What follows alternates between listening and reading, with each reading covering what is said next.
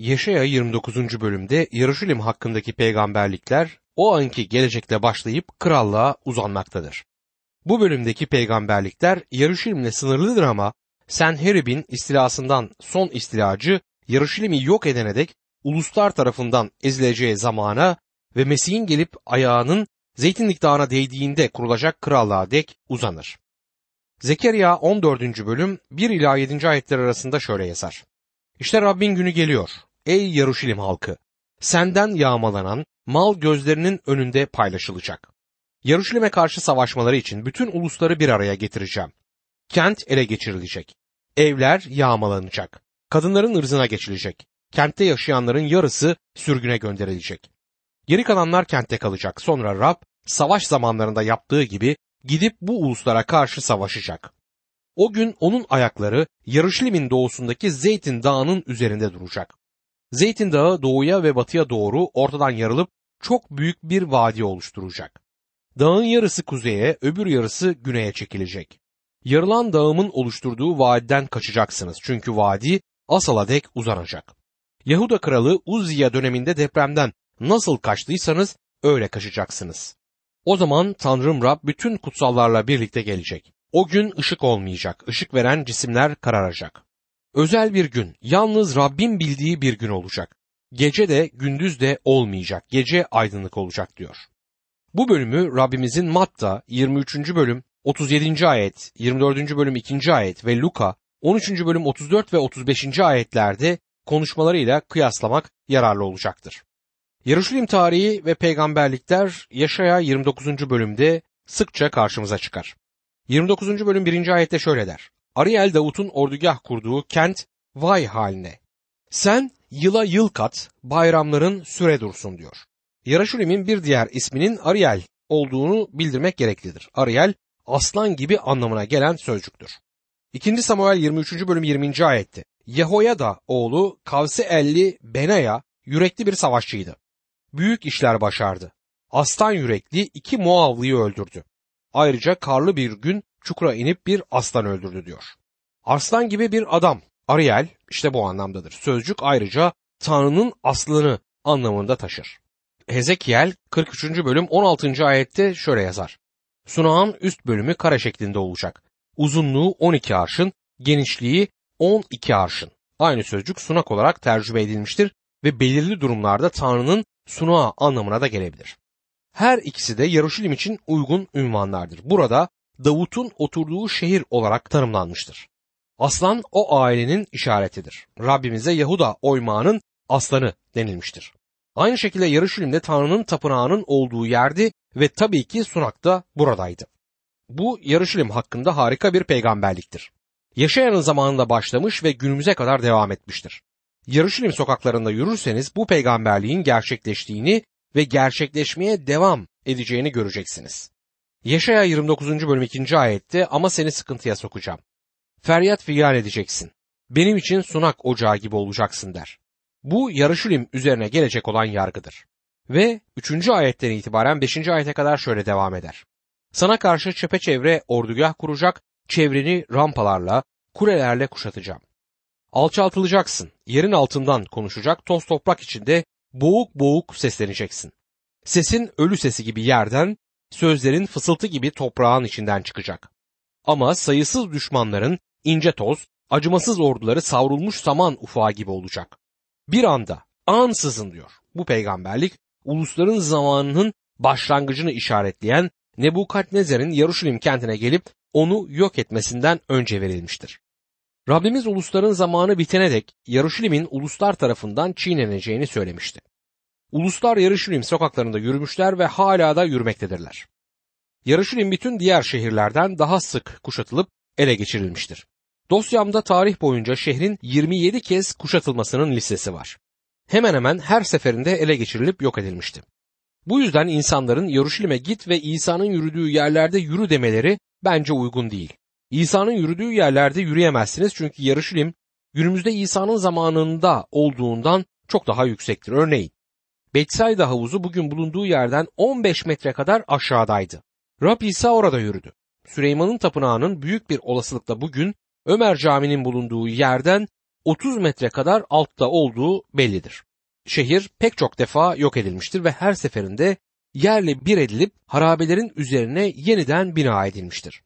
Nehemya da böyle yaptı. Yıkıntı ve harabelerin olduğu yerde Yarışilim duvarlarını yeniden inşa etti. Tamir işi için kayaların getirilmesi gerekmiyordu çünkü orada kullanabileceklerinden çok daha fazla kaya vardı. Birkaç yıl önce tapınağın yeniden yapılması için Hindistan'dan Yaruşilim'e taşlar getirildiğini okumuştum. Bu haber doğru çıkmadı ama doğru olsaydı çok akılsızca bir iş olurdu. Yeryüzünde Yaruşilim ve civarı kadar kayalık yer azdır. Buralar kayalık arazi. Yaruşilim'in düşmanlar tarafından işgal edilmesinin zor olmasının sebeplerinden bir tanesi de budur. Yaşaya 29. bölüm 6, 7 ve 8. ayetlerde ise her şeye egemen Rab gök gürlemesiyle, depremle, büyük gümbürtü, kasırga ve fırtınayla, her şeyi yiyip bitiren ateş aleviyle seni cezalandıracak. Sonra Ariel'e karşı savaşan çok sayıda ulus, ona ve kalesine saldıranların hepsi, onu sıkıntıya sokanlar bir rüya gibi, gece görülen görüm gibi yok olup gidecekler. Rüyada yemek yediğini gören aç kişi, uyandığında hala açtır. Rüyada su içtiğini gören susuz kişi uyandığında susuzluktan hala baygındır. İşte Sion dağına karşı savaşan kalabalık uluslar da böyle olacaklar. Yarışilim'in son kuşatılması en kötüsü olacaktır. Zekeriya 14. bölüm bunu anlatır. Ama Tanrı son anda işe el atacak ve halkını tamamıyla yok edilmekten kurtaracaktır. Tanrı'nın düşmanlarının kendi krallıklarını kurmak hakkındaki bütün hayalleri hüsranla sonuçlanacak ve Tanrı onları yenecektir. Tanrı aynen yapacağını söylediği gibi kendi krallığını kuracak ve onu kendisi yerleşik kılacaktır.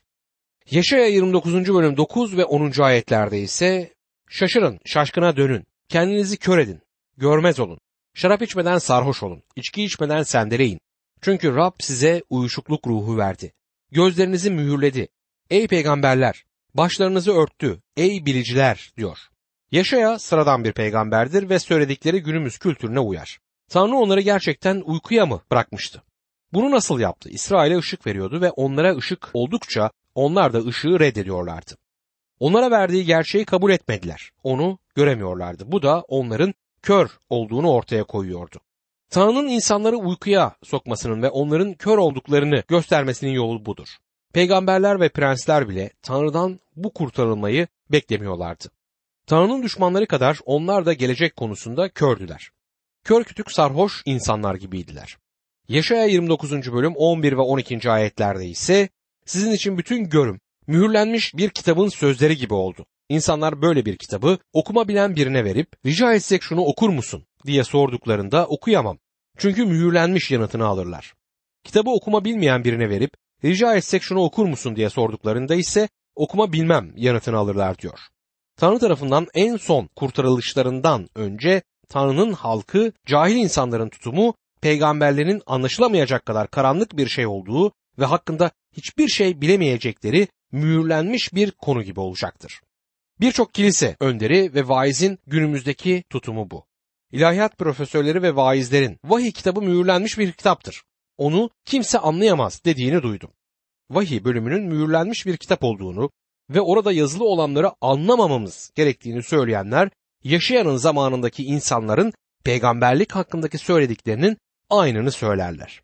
Ya da günümüzde insanlar fazlasıyla meşgul olduklarını ve Tanrı sözünü çalışmaya vakitleri olmadığını söyleyeceklerdir. Hristiyanlar kutsal kitap konusunda bilgisizliklerini örtmek için pek çok mazeret ortaya atmaktadırlar. Esinleme ya da vahiy sözcüğü üzerindeki örtü kaldırılmış anlamına gelen Yunanca apolsuepis sözcüğünden gelir. Tanrı vahiy kitabı anlaşılsın diye onun üzerindeki mührü çıkartmıştır. Vahiy bir bakıma kutsal kitaptaki en basit kitaptır. Ama ondan önce gelen 65 kitabı anlamanız gerekir. Kutsal kitabın son kitabıdır ve kesinlikle kutsal kitabı okumaya başlamanız gereken yer değildir. Hiçbir kitap onun kadar organize edilmiş değildir ve kutsal kitapta ana hatlarının çıkarılması en kolay bölüm olduğunda gördüm. Onun sembolik olduğunu anlamamız gerekmeyen bir kitap olduğunu söylemek bence oldukça yanlıştır. Yaşayanın zamanında böyle söylüyorlardı. Bu tür bir düşünceden ötürü sizi yargılayacaktır çünkü size ışık verdiğinde siz gözlerinizi açmazsanız onun verdiği ışığa karşı kör olursunuz. Vahiy 1. bölüm 3. ayette Tanrı esinleme hakkında ne söylüyor? Bakın. Bu peygamberlik sözlerini okuyana, burada yazılanları dinleyip yerine getirene ne mutlu. Çünkü beklenen zaman yakındır. Vahiy 22. bölüm 10. ayette yine şöyle der. Sonra bana bu kitabın peygamberlik sözlerini mühürleme dedi. Çünkü beklenen zaman yakındır. Yaşaya 29. bölüm 13. ayette Rab diyor ki, bu halk bana yaklaşıp ağızlarıyla, dudaklarıyla beni sayar ama yürekleri benden uzak, benden korkmaları da insanlardan öğrendikleri buyrukların sonucudur. Yaşayanın zamanında yaşasaydınız, yaşayanın gerçekten ne demek istediğini merak edecektiniz çünkü halk tapınağa gidiyordu. Tapınak kalabalıktı. Bir kurban sunulduğu her zaman etrafı kalabalık olurdu. Erkekler için bir yer, kadınlar için bir avlu ve uluslar için de bir başka avlu vardı. Tanrı bu insanlarda neden kusur bulsun ki? Hepsi oraya gidiyordu ama bütün bu ayinleri sadece ağızlarıyla yerine getiriyorlardı. Rabbin duasını ve elçilerin inanç bildirisini bu kendileri için hiçbir anlama gelmeden söylemek gibiydi. Söylediklerine inanmıyorlardı. Tanrı'nın sözünü kabul etmemişlerdi. Tanrı kalplerinin kendisinden uzak olduğunu söylemektedir. Tanrı'nın onları yargılamasının nedeni buydu ve günümüzde de Tanrı'nın bizi yargılamasının nedeni bu olacaktır. Günümüzde dünyanın laneti dindir. Tanrı geleneklerden, göreneklerden, törelerden kurtulup Mesih'e gelmenizi istemektedir. Günümüzde gelenekler, görenekler, töreler, din birçok insan arasındaki en büyük engeldir. Bunu uzun süre önce birisine söylemiştim. Hemen şunu bilmenizi isterim ki ben dindar bir adamım. Dindar bir doğam var diye bana yanıt verdi. Düşmüş bir doğası vardı ama dindar bir doğa olarak bunu yansıtmaktaydı. Ona dininden kurtulması gerektiğini ve benim dindar bir adam olmadığımı söylediğimde sanırım onu şok ettim. Dindar olmayan bir vaiz olduğuna inanamıyorum. Eğer dindar değilseniz o zaman nesiniz dedi. Ona Mesih'e gelmiş bir günahlı olduğumu ve şimdi de onunla kişisel bir ilişkim olduğunu söyledim. Bu Hristiyanlık bir din değil bir yaşam biçimidir, bir ilişkidir. Mesih'e sahip misiniz değil mi? Önemli olan budur. Yaşaya 29. bölüm 15. ayet. Tasarılarını Rab'den gizlemeye uğraşanların vay haline. Karanlıkta iş gören bu adamlar bizi kim görecek, kim tanıyacak diye düşünürler diyor. Halkı için durum o denli vahimdir ki buraya bir başka vay koymaktadır. Bu bölümde iki tane vay vardı. Çünkü birincisi insanlar Tanrı onları görmüyor ve durumu bilmiyorlarmış gibi ve ikincisi bunu yaparlarsa hiçbir şey olmayacakmış gibi davranmaktaydılar. Yaşaya 29. bölüm 17. ayette Lübnan pek yakında meyve bahçesine, meyve bahçesi ormana dönmeyecek mi diye soruyor. Şimdi geleceği görüyoruz. Yarışimde ve ülkede onur ve yüceliğin geleceği bir zaman olacaktır. Tanrı'nın o şehirle işi bitmedi. Bugün birbiri üzerine bina edilmiş şehirlerden oluşan çok katlı bir pastaya benzeyebilir. Tanrı onları yargılamıştır ve onları yeniden yargılayacaktır. Ama Yaruşilim bir kez daha yeniden bina edilecektir ve o zaman Tanrı'nın şehri olacaktır. Yaşaya 29. bölüm 18. ayette o gün sağırlar kitabın sözlerini işitecek, körler koyu karanlıkta görecek diyor. Sağırlar duyacak ve körler görecek. Yaşaya 29. bölüm 19. ayette düşkünlerin Rab'de buldukları sevinç artacak. Yoksullar İsrail'in kutsalı sayesinde coşacak diyor. Görmek istemeyen kişi kadar kör olan yoktur diyen bir söz var. Bugün de yaşayanın zamanında olduğu gibi isteğe bağlı bir körlük bulunmaktadır. O günde milenyumda ama görecekler. Yaşaya 29. bölüm 22, 23 ve 24. ayetlerde ise şöyle yazar. Bundan dolayı İbrahim'i kurtarmış olan Rab, Yakup soyuna diyor ki, Yakup soyu artık utanmayacak. Yüzleri korkudan sararmayacak. Elimin yapıtı olan çocuklarını aralarında gördüklerinde adımı kutsal sayacaklar. Evet Yakup'un kutsalını kutsal sayacak, İsrail'in tanrısından korkacaklar. Yoldan sapmış olanlar kavrayışa, yakınıp duranlar bilgiye kavuşacak. Tanrı'nın ismini ne yapacaklar? Onu kutsal yapacaklar. Onu harika bir şey olarak bir yana ayıracaklardır. Bugün Tanrı'nın halkı yaşamlarıyla Tanrı'nın ismini kutsal kılmalıdırlar. Onun ismi kutsal bir isimdir ama bizler ona o şekilde davranıyor muyuz? Yaşaya 30. bölümde Yahuda'ya Asur'a karşı yardım almak için Mısır'a dönmemeleri için uyarıda bulunur. Rabbe dönmeleri istenmektedir. Bu bölümlerden gelecek hakkında daha büyük bir peygamberlik çıksa bile bu iki bölüm büyük ölçüde yerel bir durumdan söz etmektedir. Yerel peygamberlik harfiyen yerine gelmiştir. Güneydeki Yahuda krallığı peygamberin uyarısını duyup dinlemiş ve Asurlulardan kurtulmak için Mısır'la birleşmemiştir. Kuzeydeki İsrail krallığı peygamberin uyarısını dinlememe hatasına düşmüş ve Asur'a tutsak olarak gitmiştir. İkinci Krallar 17. bölüm 4. ayet bunu net olarak bize aktarır. Bu güneydeki krallığın kuzeydeki krallığın deneyiminden ders aldığı tek zamandır. Mısır'la ittifak yapmayı istememeleri için bu halk uyarılır. Yaşaya 30. bölüm 1. ayette Rab vay haline bu dik başlı soyun diyor. Benim değil kendi tasarılarını yerine getirip ruhuma aykırı anlaşmalar yaparak günah üstüne günah işliyorlar. Bu dördüncü vaydır. Bu uyarı olduğundan ötürü bir vaydır. Tanrı yardım almak için Mısır'a gitmeyin. Çünkü bunu yapmak sizin için iyi bir şey olmayacaktır. Oradan yardım sizin için çöldeki bir serap gibidir der. Yaşaya 30. bölüm 7. ayette Mısır'ın yardımı boş ve yararsızdır.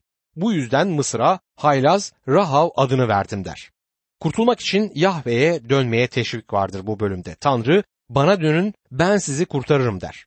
Bu harika bir ayet. Kutsal kitabın mücevherlerinden birisidir.